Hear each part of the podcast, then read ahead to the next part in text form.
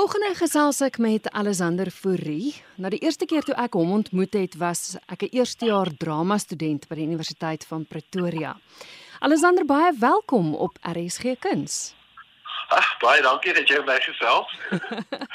Kom ons gesels 'n bietjie oor jou loopbaan. Uit die aard van die saak weet ons almal nou jy het drama studeer, maar hoe Ja. het jou paadjie geloop? Waar het jy jou voete gevind in die bedryf? Wat het jy als gedoen? Ek het ja, by Tikkies geswat, daarna het ek by Truk gewerk as verhoogbestuurder vir 'n jaar. En daarna is ek Sikkels toe vir 3 jaar. Daar het ek teater gedoen die hele tyd en my eerste teks geskryf van my lewe. En van daar af is ek terug Tikkies toe om honeurs te doen. Ons het planne gehad ek en my girlfriend van daai tyd het planne gehad om in Europa te gaan swat, verder te gaan swat. Maar ons moes eers honeurs doen hierso en dan 'n M oor see gaan doen, maar toe skei ons paadjies. toe die M ook daarmee heen. Maar in geval in daai tyd het ek uh toe nog gewerk vir Truk ook. Ehm um, ek het hulle kinderteater gedoen en tekste geskryf en gespeel as akteur. En ja, van daar af is ek ek het ek, is baie lief vir die teater. Ek het beplan om my hele lewe deur net in die teater te werk. Maar na 94 het die teater, Afrikaanse teater so dip gevat. Toe beland ek in TV waar ek nooit wou wees nie.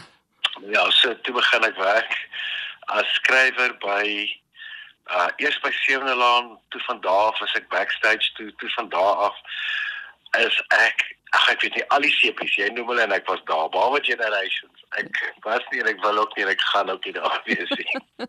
Ja, want ek het High Rollers, dit was nou nie noodwendig gesepie nie, maar ek weet is die Dingo, jy was daar ook gewees. Ja. Jy sê nou skryf. Was skryf ooit deel van die plan gewees? Maar ek wou geskryf het vir die teater. Toe ek Mm. toe ek nou geswat het, daai jaar toe ek uh ek dink was in my derde jaar was een van ons was een van ons uh vakke was om 'n teks te skryf. Een van ander taak was was om 'n teks te skryf. Toe skryf ek die ding en weet ek is nie ou wat vreeslik ak akademies vreeslik hard werk nie. En uh toe doen ek die toe skryf ek die teks te kry vir eerste keer in my lewe in die 90% ek was heeltemal geskok en toe sê ek so, "O, dalk moet ek dit ook oorweeg." maar dit was glad nie deel van die oorspronklike plan nie. En toe daarna toe ek nou by Sikkels was, toe doen ek uh toe sê hulle vir ons nie hulle wil die werk sien doen. Dit is ek vlag nie regtig julle. Kan ons nie iets exciting doen nie. Ons al die goeders is so vir my weet nee. Toe sê kom ons doen iets as brak aan Jan. Toe sê hulle dit sal nooit werk vir die verhoog nie en dit moet jy mos nie vir my sê. toe gaan ek toe koop ek die boek, toe verwerk ek hom vir die verhoog. En toe 'n jaar later toe doen ons brak aan Jan wat toe my eerste teks as professionele werker is. En ja, toe het brak aan 1 2 en ek dink ek het dit brak aan Jan 3 ook geskryf. Groot pret hoor. Dit was woes, dit was wild en dit was mal, dit was fantasties. So ja, dis toe waar die skrywerry begin het, maar dit is dit was glad nie deel van die plan nie, nie die oorspronklike plan nie. Ja. Maar jy het buite in die kinderteater het jy ander tekste ook vir vir teater geskryf. Uh ja, ek het ek het ehm um, vir myself 'n eenman vertoning geskryf na na Brackenjan. En dit was baie fun. Dit was uh Luke Lucas spook, dit was 'n stom spookstories. En ek sê jy sê dit was harde werk, maar daar's niks, maar niks op die aarde so opwindend soos om 'n om 'n eenman vertoning te doen nie. Daar is net letterlik niks nie. Niks is groter en niks is erger as dit, nie, maar dit is die lekkerste gevoel aan die einde van elke vertoning as jy lewendig van daai verhoog afstap. En ek het ook uh kortverhale geskryf.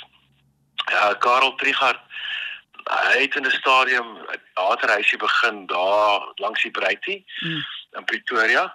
En ek was daar saam met oom Karel. Ons Lekker gewerk hoor. Ons het daai plek, ons was ek sê ons was net stof en sweet die hele tyd, maar ons het daai plekkie omskep in 'n teater en hulle daar elke einde van die jaar het hulle kersklanke gedoen. En ek het van my stories wat ek geskryf van my eenman uh, van my kortverhale het hulle opgevoer daar in Petro. En ag, daai goed het vir jare en jare geloop en van hulle was van die gehoor se gunstelinge. Jy weet, so elke jaar dan sê hulle aan die einde van die vertoning sê dis daar enige uh versoeke en dan vra hulle 'n storie die kykers wat nou of die die gehoor lede van die gehoor wat dit al van tevore gesien het, vra dan versekerde. En van my stories was van die gewildes wat jaar na jaar al vra hulle daarvoor. So ja, dit was dit was vir my baie lekker. Dit was Ag, ek weet nie, dit was net 'n baie spesiale tyd en daai stories het het 'n emosionele kwaliteit gehad wat ek nie geweet het ek het nie, maar dit het dit gehad. En dit was net so 'n uh, confirmation vir my dat dit dis tyd om te skryf as dit tyd is om te skryf. Iets het om te sê skryf dit. Mm. Maar die een ding wat die lewe my geleer het, as jy niks het om te sê nie, moenie skryf nie moenie skryf as jy niks het om te sê nie. Dit het ek op 'n harde manier gelees. Hoorie, ek wil praat oor jou skryfwerk uh, by ja. Sepies. Jy's jy's nou onder andere by Sewende Laan. Ek bedoel dit is waar jy ja. nou al vir 'n hele paar jaar is.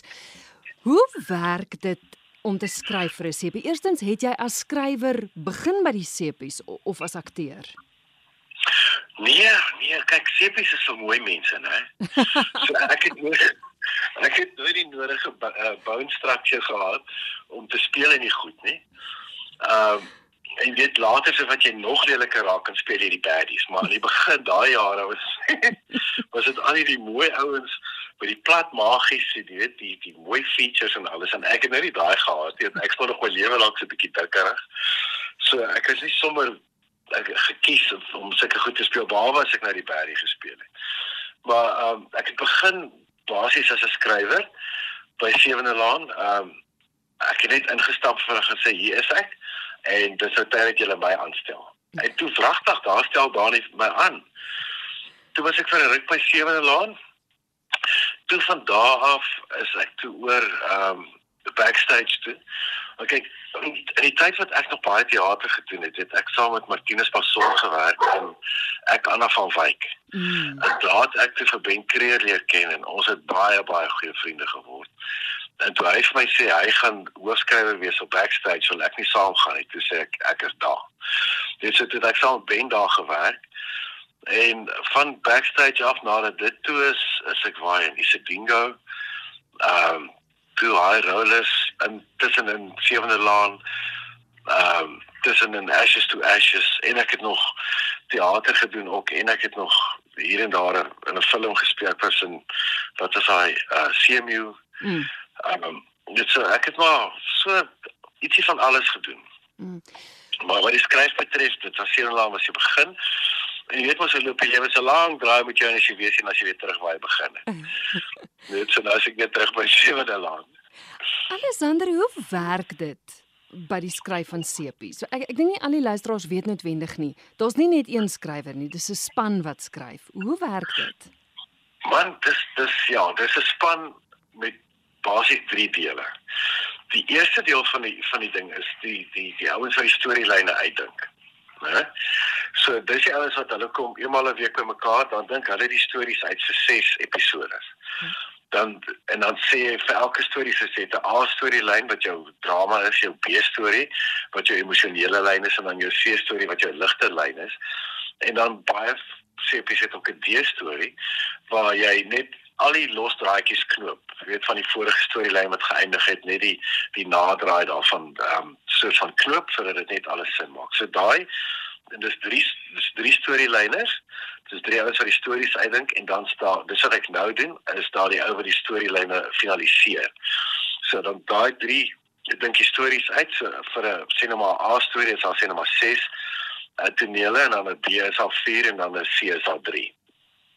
So dan werk ons nou dan werk hulle dit uit, hulle plaas dit in 'n volgorde en dan dan want ons werk omdat baie min tyd is. Die tyd wat ons saam werk is net die kern van die toneel uit. En dan gaan hulle terug huis toe. Dan dan flesh hulle dit uit. Dis nou die term wat ons gebruik is nou deelik Afrikaans, maar hulle hulle pleister dan uit en dit word dan 'n volwaardige toneel. Daarvandaan kom dit na my toe. Ek vat dit dan en maak seker dat al die continuity sin maak die Afrikaans sin maak dat ons nie goed uitgelaat het nie, dat nie gate in die storie is nie. En dan van my af dis aan die einde van die eerste deel van die proses gaan dit dan na die skrywers toe wat dialoogskrywers is. Die dialoogskrywers skakel dan alles wat daar is in daai ons noem dit 'n treatment of 'n opsomming Ehm um, by Villa Rosa het ons dit 'n opsomming genoem. Mhm. Ehm mm um, maar hulle vat dan daai opsomming en hulle maak dan daai tonele word dan omgeskakel in dialoog. So die dialoogskrywer skryf dan 'n teks. Hulle het hulle hulle limite, hulle te woordetelling en 'n bladsytelling en dan moet hulle die tydsberekening aan die einde uitwerk sodat jy weet jy skryf nie 'n episode wat 50 minute lank is vir 'n 23 minute time slot nie. So hulle skryf dan hulle tekste van daar af as hulle klaar is, hulle te week om hy teks te skryf. Van daar af gaan dit dan in die redigeerder toe. Dis die derde deel van die proses. Die die redigeerder gaan dan en hy redigeer elke teks, kyk na elke woord, elke komma, elke punt. Alles moet perfek wees en dan issue hy daai tekste. Dit gaan dan na produksie toe en dan van daar af toe in produksie alle dinge en hulle skeduleer dit en breek dit af en werk die skedules uit en kry die regisseur die regisseur kry dit die regisseur dan ehm um, blok dan alles by die huis en dan maar in studio kom sê jy staan daar jy staan daar hierdie kameras op daai se lens op daai grootte daai is op daai jy beweeg jy daai weet die basiese plotting. En dan skiet hulle dit en van daar af gaan dit dan edit toe. Ja genade. Jy sê nou dit alles gebeur baie vinnig. As jy nou kyk ja. van van die eerste vergadering af, nê, wat julle die 6 ja. episodes bespreek. Hoe lank van hoe lank tyd praat ons? Uh Wel, die, uh, oor die skryfkant sal ek sê ons begin die maandag, dan werk ons dit uit teen die Vrydag issue act die treatment. So dis die eerste week net om die storie uit te werk en vir die skrywers te gee. Dan die skrywers nog 'n week en dan dan sê dan sit nou 2 weke. Dan gaan dit terug na die editor toe, dan die editor 'n week. So dis dan 3 weke. En dan na 3 weke is daai 6 episode is, is dan gedoen. Net hmm. so dit vat 3 weke om die teks te kry by produksie en dan van daar af het die regisseur want dit is baie joh, dit is baie intense werk om om die tekste te plot en al die plotting uit te werk, die kameras, die posisies van die akteurs, alles, alles. Hy regisseurs, ek dink hulle het die hardste en die moeilikste werk van almal op hierdie planeet. Want jy moet alles visualiseer, elke ding. En as daar 12 mense in die toneel is, moet jy 12 mense visualiseer en hulle POV's visualiseer. Dit is uh, dit is dis 'n insane job. Ek het nooit regisseur. Ek het dit al gedoen never again. dit is dit is mal, dit breek jou brein. Weet jy, jy kan ek kan 'n fisiese dag Ja, ek moet maar 'n redelike fisiese ou. Ek werk met my hande, doen sit afdakke op, hardloop agter die perde aanvoer, was al daai goed. Dit's so ek's baie fisies en na 'n hele dag se werk met die perde en 'n afdak op sit, voel ek okay nie aan. Maar laat ek 'n dag sit voor 'n rekenaar met papier in my hand en plotting doen vir uh, vir regie dit maak jou dood. Dit is die hardste werk wat daar is. Hoorie maar as mens kyk dis dis 'n span. Dit klink vir my soos 'n glad geoliede masjien. Jy kan nou nie as skrywer kom en jou stempeltjie probeer afdruk nie. Almal moet redelik op dieselfde golflengte wees dat dit deurgangs soos dieselfde produk lyk. Maak ek sin? Uh, Ja, nee, dit maak 100% sin. Kyk, dis die, die dialoogskrywers kom en hulle skryf ek hulle bring hulle eie elkeen het sy eie manier van skryf sy eie bietjie van sy eie styl. Daar's 'n oorkoepelende styl vir die laan wat binne almal bly.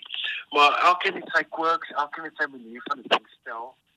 Dit is wel is tog 'n bietjie van die identiteit van die van die skrywer wat deurkom. En ons wil ook nie 'n skrywer moet as hy wanneer hy die treatment kry en hy begin werk moet presies woord vir woord gaan oorskryf wat in elk geval die treatment staan nie so as hulle dit kan beter maak op 'n beter manier sê 'n ander angle in die toneel sit maar sonder om die die die die uiteindelike betekenis van die toneel te verander is hulle welkom en dis wat ons wil hê. Ons wil nie net 'n skrywer hê wat slaafs daar sit en alles omskakel in dialoog nie. Hulle moet 'n bietjie van die kookigheid bring. Hulle moet ietsie anders bring en ietsie bysit, 'n bietjie speserye net anders gesaai toneel maar ons klop storyliners. Ons vertel jou net die plot. Jy jy moet die nuances en die intrigetjies klein intrigetjies net wat net vir daai toneel geld. Dit mag nie oorspoel na volg nie toe nie want dan dis nie geskryf nie. Jy so binne daai toneel het jy baie vryheid maar jy is ook aan bande gelê dat wat wat ook al jy in daai toneel doen moet bly wat wat ons het aan die begin van van elke toneel bo aan het ons 'n kruks. Wat is die kruks van die toneel?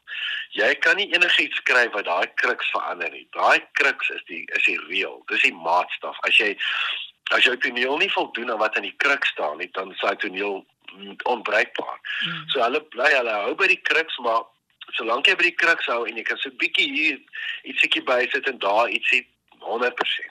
En dan bring dit ook lewe en dit maak dit interessant. Anders is dit maar basies 'n eenlynige ding en die skrywers bring kooks en ons skrywers is goed hoor. Ons skrywers is eisters, glo my. Hulle bring die amazingste goed aan wat jy net dink, "Wow, dis nice gestel." So ja. Julle wat nou die storielyne uitdink. Genade, ja. hardloop mens nie op 'n stadium uit storielyne uit nie. Man, eenmal 'n week ja. jy raak jy raak la, na tyd weet dan want dit is so relentless. Elke week moet jy uitkom met storie vir 6 episode. En dan kom tye wat jou brein net vir jou sê ek kan nou nie meer nie. Maar wat wat wat nice is en en ek dink dit is dis iets wat wat mense nie weet nie is dat jy put uit die karakter uit.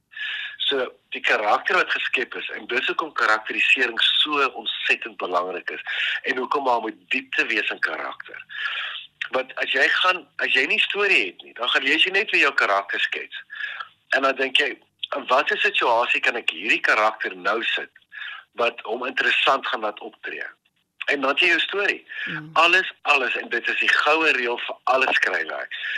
Seker nou nie met skopskiet en jaag om die blok storieetjies nie, maar uh enige drama, enige sepie, enige telenovelle, alles gaan rondom karakter. Dit gaan oor die diepte van die karakter, die vlakke van haar karakter. Hoe dieper jy kan daal van 'n karakter in, hoe meer storie kry hy daai karakter uit. En al wat jy moet doen is sit hom in 'n situasie bring hom in konflik met iemand anders want elke karakter het 'n het 'n het 'n want dis wat hy wil hê en hy het 'n need en dit is wat hy nodig het en solank jy weet wat die want en die need is en jy ken haar karakter en jy ken sy geskiedenis en jy en jy weet hoeveel op hoeveel vlakke jy hierdie karakter kan uitdaag dan gooi jy 'n uitdaging vir daai karakter want dis alwaar storie gaan as jy sien 'n mens jy sien 'n uitdaging en jy sien hoe hy daai uitdaging die hoof bied of hoe daai uitdaging hom vermorsel. Mm. Dit so ja, jy raak uit stories uit, maar dan gaan jy terug na karakter toe en voor jy weet dit jy storie. Dit is dis 'n proses wat jy weekliks deurgaan en die goue reël bly altyd stick to the character. Dit is so maklik so en so moeilik soos dit. Ek gesels met Alexander Fourie. Hy is betrokke by die skryfwerk van Sewende Laan se tekste. Maar Alexander, nou so 'n bietjie meer as 'n week terug was jy te sien as een van die karakters in Sewende Laan, Major Jak. Jy het nou ongelukkig die tydelike met die ewige verruil. Ehm um, was was dit nie vreemd om om nou aan die ander kant te wees nie? Jy's so betrokke by die skryfwerk en om om nou te speel weer. Ah, uh, Ja, en nee, want toe by Villa was het ek ook geskryf en gespeel te gelyk. So dit was nie heeltemal vir my nuwe uh, nuwe ondervinding. Want by Villa Rosa was ek uh, Mike Bontuis, Bolhuis, Bontuis. Mike Bontuis. Ek was so 'n nare ou wat 'n uh, diamantsmokkelaar en Astrid was sy was sy wyfie en hulle was so 'n rowwe ou. Ja. Dit en in dieselfde tyd het ek nog geskryf ook. En uh, ja, daar het ek ook wat interessant is, daar het ek my my karakter se dood geskryf en nou by sewende laan het ek dit weer gedoen. so dan baie sit van ironiese moments hier. En uh, maar ja, dit was dit was lekker weer om vir 'n slag in 'n sepie te speel. Want yes, ek het lanklaas eintlik gespeel in 'n sepie, want deesdae skryf ek maar basies. Hmm. Ehm um, dit was baie lekker om weer te speel en ook daai karakter ja dit was baie fun hoor dit was soveel pret hy's net so 'n buffel en 'n nare entiteit jy weet nie hoe jy dit met hom het nie maar ek kan vir dit sê daar's nie groot pret as om 'n baddie te speel soos my Joer Jak nie hoor. Daar is net niks lekker meer nie